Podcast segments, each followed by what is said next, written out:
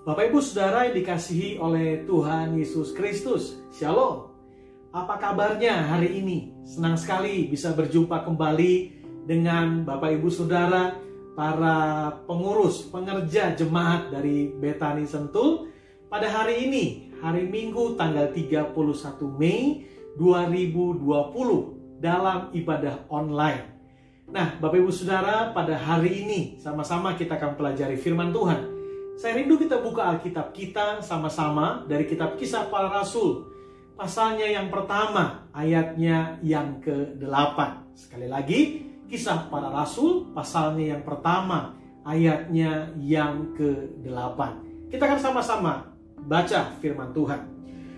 Tetapi kamu akan menerima kuasa kalau Roh Kudus turun ke atas kamu dan kamu akan menjadi saksiku di Yerusalem dan di seluruh Yudea dan Samaria dan sampai ke ujung bumi.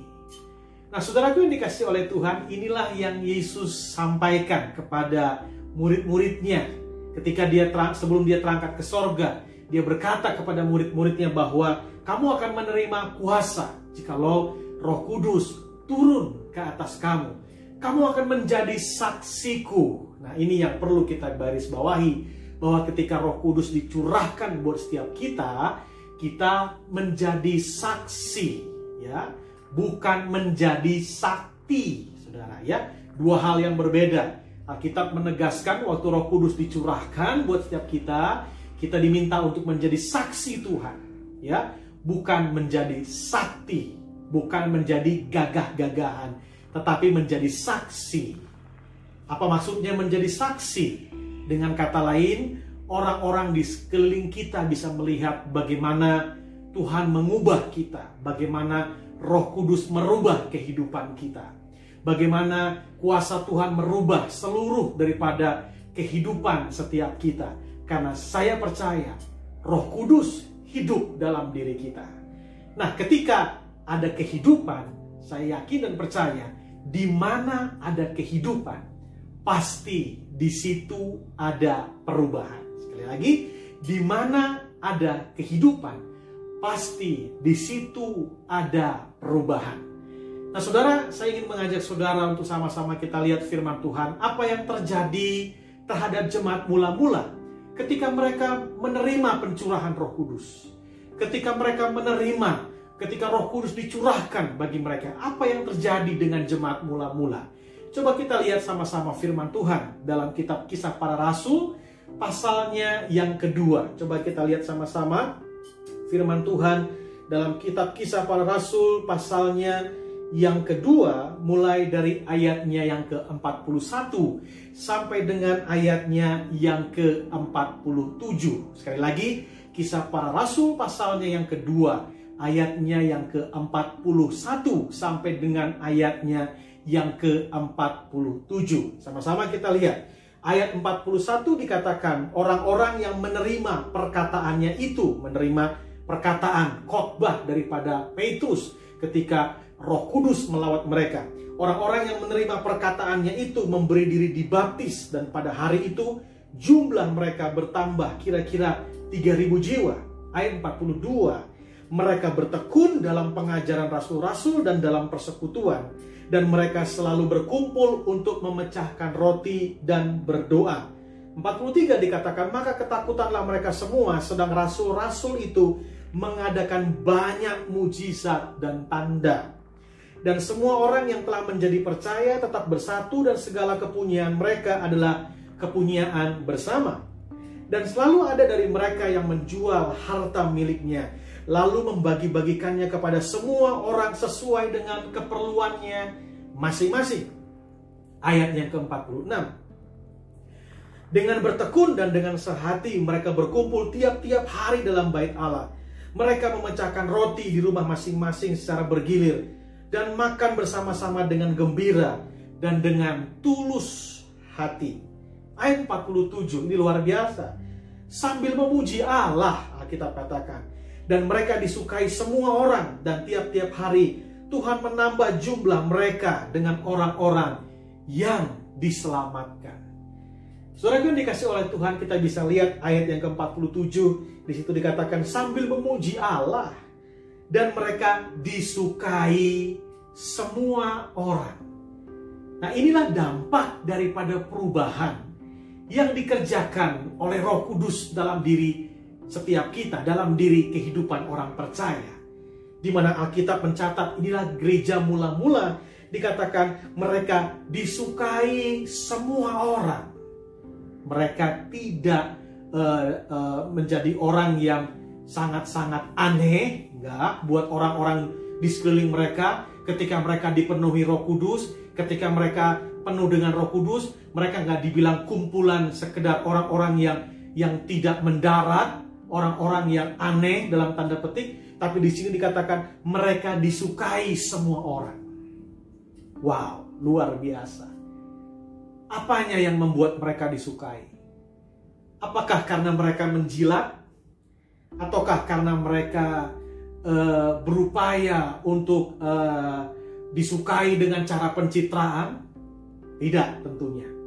Karena kalau kita lihat dari dalam perikop kisah para rasul pasal yang kedua, ayatnya yang ke-41 sampai dengan ayat yang ke-47, di situ dikatakan cara hidup jemaat yang pertama.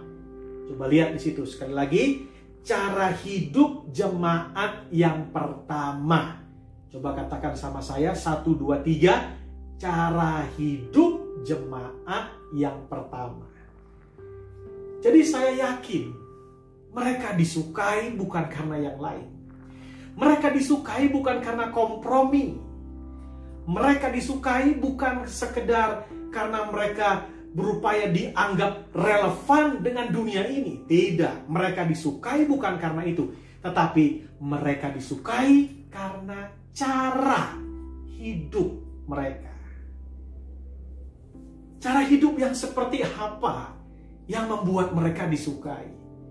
Cara hidup yang bagaimana yang membuat mereka disukai? Saudara bisa lihat sama-sama di dalam ayatnya yang ke-42 di situ dikatakan mereka bertekun dalam pengajaran rasul-rasul dan dalam persekutuan dan mereka semua selalu berkumpul untuk memecahkan roti dan berdoa. Garis bawahi kata mereka bertekun dalam pengajaran rasul-rasul. Saya yakin sederhana.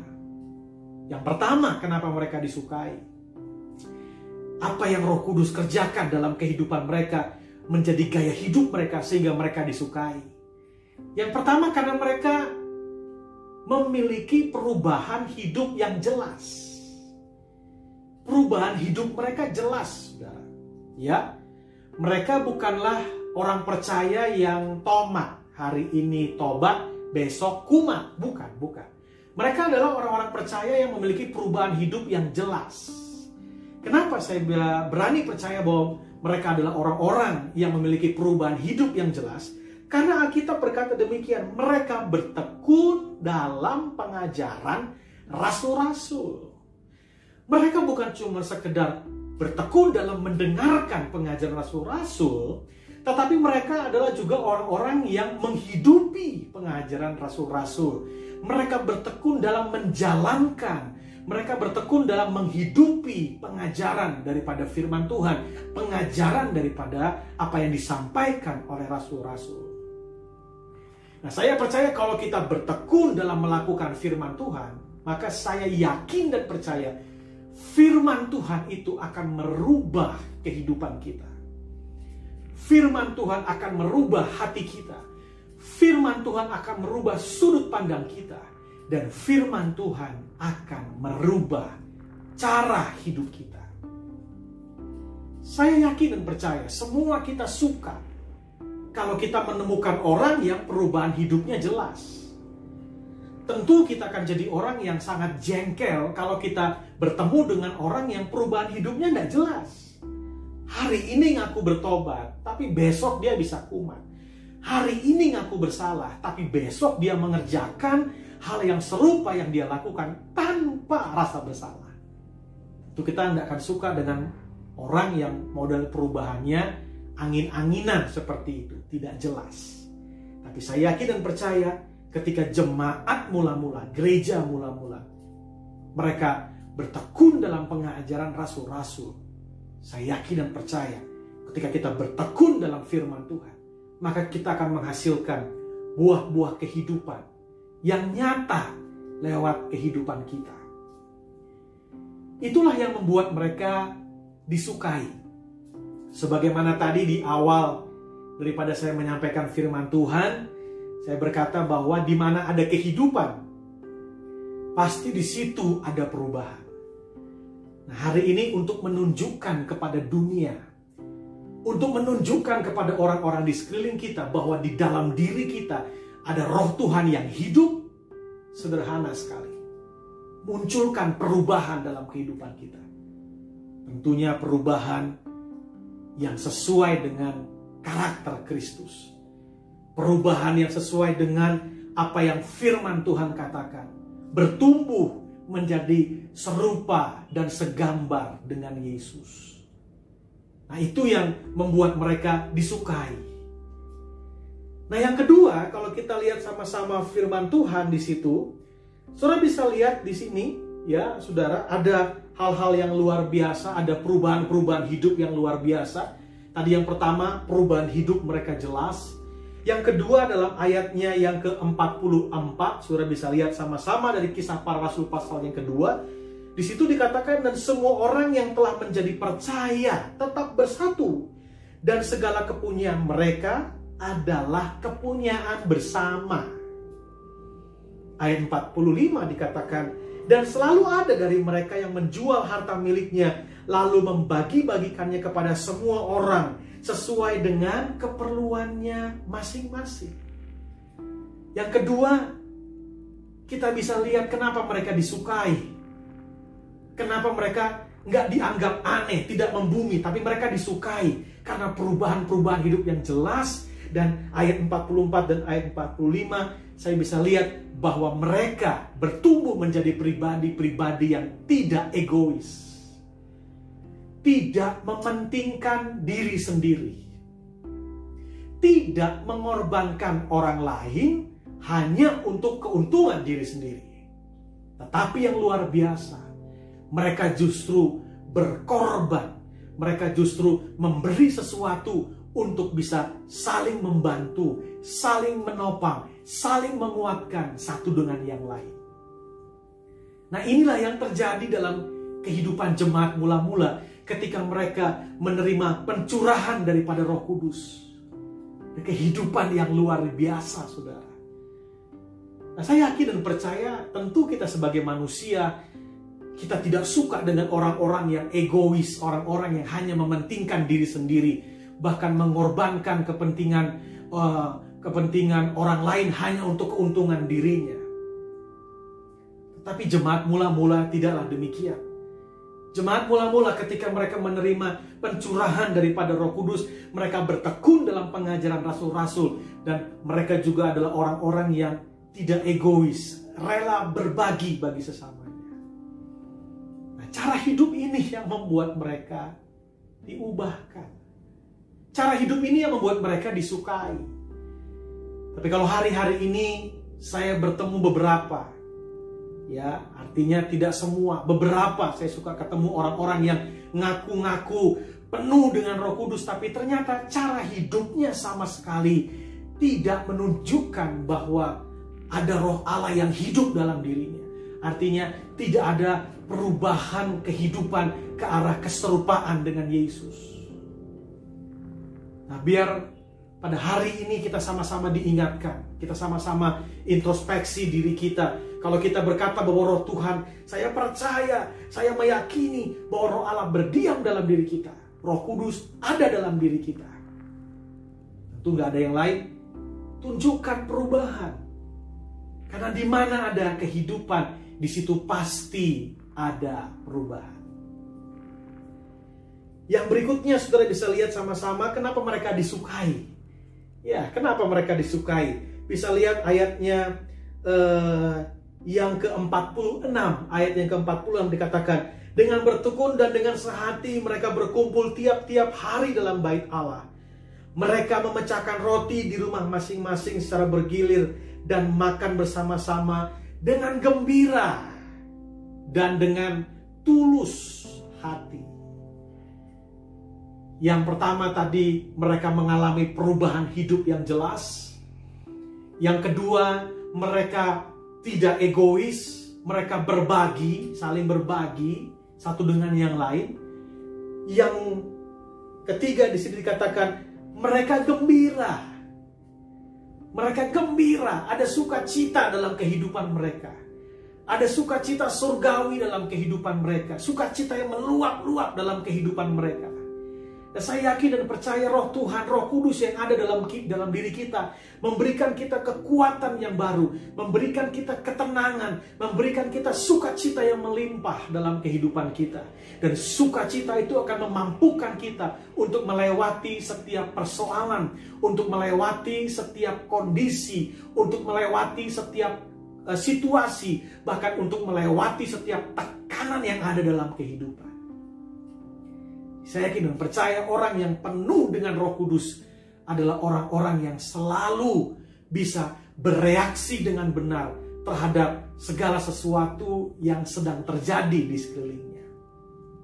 Mereka gembira, mereka orang-orang yang bersuka cita, padahal saudara mereka tahu konsekuensinya. Kalau mereka ikut Yesus, maka mereka akan mengalami yang namanya penderitaan dan aniaya. Tapi di sini dikatakan mereka gembira saudara, ada sukacita yang luar biasa dalam kehidupan mereka. Saya yakin percaya, setiap kita jika kita penuh dengan roh kudus, ada sukacita Tuhan dalam diri kita, menjadi kekuatan dalam kehidupan setiap kita. Yang keempat, yang terakhir, kita bisa lihat sama-sama, di situ dikatakan, dan dengan tulus hati. Wow, luar biasa sekarang kita betul-betul tahu kenapa mereka disukai oleh banyak orang. Kenapa mereka disukai oleh semua orang. Karena roh kudus dicurahkan dalam kehidupan mereka. Mereka jadi bertekun dalam pengajaran rasul-rasul. Mereka menjadi pribadi-pribadi yang tidak egois. Pribadi-pribadi yang saling membantu satu dengan yang lain. Saling menolong satu dengan yang lain. Bahkan mereka jadi orang-orang yang gembira dan yang keempat dikatakan mereka tulus hati. Nah ini saudara, ya mereka muncul menjadi pribadi-pribadi yang tulus mengerjakan segala sesuatunya. Tidak dengan embel-embel. Mereka tulus, bukan bulus, tapi mereka tulus. Nah saudara inilah yang membuat mereka disukai oleh semua orang. Dan dari jemaat yang murah-murah kita bisa belajar, kita bisa introspeksi diri kita. Kalau bahasa sehari-hari, mungkin saya katakan kita bisa ngaca sama-sama. Kalau kita ngaku bahwa kita bicara sama semua orang bahwa kita telah dipenuhi oleh Roh Kudus, coba kita lihat, kita introspeksi diri sama-sama. Sudahkah kita mau bertekun dalam setiap pengajaran firman Tuhan?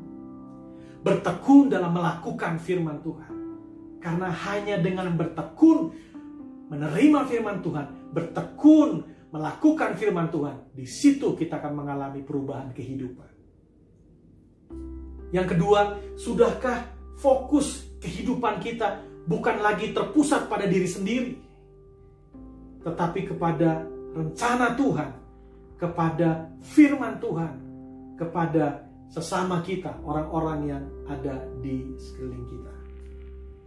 Dan kalau Roh Kudus turun atas kita, saya percaya bahwa kita akan menjadi orang-orang yang selalu punya kekuatan yang baru. Kekuatan datang bukan dari luar, tapi dari dalam kita. Roh Kudus memberikan kita sukacita, hati yang gembira. Dan saya percaya Roh Kudus akan memberikan kita ketulusan, hati yang tulus. Saya yakin kita akan jadi orang yang berbahagia. Kita akan jadi orang yang selalu bersuka cita kalau kita mengerjakan segala sesuatu dalam ketulusan. Karena orang yang tulus itu mau dihargai atau nggak dihargai, buat dia nggak masalah. Karena dia mengerjakannya dalam ketulusan. Bapak Ibu Saudara yang dikasih oleh Tuhan, Itu saja yang bisa saya bagikan pada ibadah online kali ini. Saya berharap dan berdoa firman Tuhan ini menjadi kekuatan buat setiap kita, menjadi pegangan buat setiap kita. Untuk kita sama-sama introspeksi diri. Sudahkah kita mengalami perubahan? Dan saya yakin dan percaya, ketika roh kudus ada dalam diri kita, kita akan mengalami perubahan-perubahan lebih dalam dalam kehidupan kita. Mungkin Bapak Ibu Saudara bertanya, saya percaya roh kudus sudah ada dalam diri saya, tapi kenapa saya kok belum berubah? Jawabannya sederhana, mungkin kita yang sering kali enggan dibentuk dan diubah oleh firman Tuhan. Itu saja yang saya bisa sampaikan. Saya bisa sampaikan. Saya berharap sekali lagi ini menjadi momen buat setiap kita untuk kita introspeksi diri sama-sama. Saya percaya satu hal, saya ulangi sekali lagi. Di mana ada kehidupan, saya yakin roh Tuhan hidup dalam diri kita. Roh Allah yang hidup itu ada dalam diri kita. Di mana ada kehidupan, di situ pasti ada perubahan. Kalau kita percaya roh Tuhan yang hidup itu ada dalam diri kita, pasti terjadi perubahan dalam kehidupan kita. Tuhan Yesus memberkati. Mari kita berdoa. Bapak di surga kami mengucap syukur dan berterima kasih buat kebenaran firman Tuhan pada hari ini. Biarlah firman ini menjadi kekuatan, menjadi rema buat setiap kami. Bahkan dengan ada firman Tuhan hari ini, renungan firman Tuhan hari ini, kami boleh introspeksi diri sama-sama. Kami percaya roh kudus hidup dalam diri kami. Tapi ampuni kami Tuhan, kalau kami sering kali tidak mau dibentuk. Sehingga lewat hidup kami, kami tidak bisa keluar untuk menjadi orang-orang yang menjadi saksi Tuhan karena belum mengalami perubahan-perubahan hidup. Tapi biar hari ini kami rela diubah dan dibentuk oleh Engkau Tuhan sehingga lewat hidup kami orang lain bisa melihat karya Kristus nyata dalam kehidupan kami sehingga kami boleh menjadi saksimu di mana pun kami berada. Terima kasih Bapak. Kami mengucap syukur untuk kemurahan dan anugerahmu Aku berdoa untuk anak-anakmu Tuhan yang sedang mengalami sakit penyakit dalam nama Tuhan Yesus. Engkau memberikan kesembuhan buat setiap kami, buat setiap kami yang bingung, yang bimbang. Aku berdoa dalam nama Tuhan Yesus. Aku percaya firman Tuhan sanggup menunjukkan jalan. Firman Tuhan sanggup menunjukkan jalan-jalan, eh, langkah-langkah yang tepat yang kami harus ambil dalam setiap kehidupan kami. Terima kasih Bapak, kami mengucap syukur untuk kemurahan dan anugerah Tuhan dalam kehidupan kami. Dalam nama Tuhan Yesus Kristus, kami mengucap syukur dan berdoa. Haleluya. Amin. Bapak Ibu saudara dikasih oleh Tuhan, sampai jumpa kembali dalam ibadah online berikutnya. Tapi jujur, saya pribadi berharap kita akan kembali uh, berjumpa bukan sekedar ibadah online, tapi ibadah yang seperti biasa tatap muka, sharing firman Tuhan, sharing kehidupan pribadi sama-sama untuk kita bisa saling menguatkan satu dengan yang lainnya. Terima kasih. Tuhan Yesus memberkati.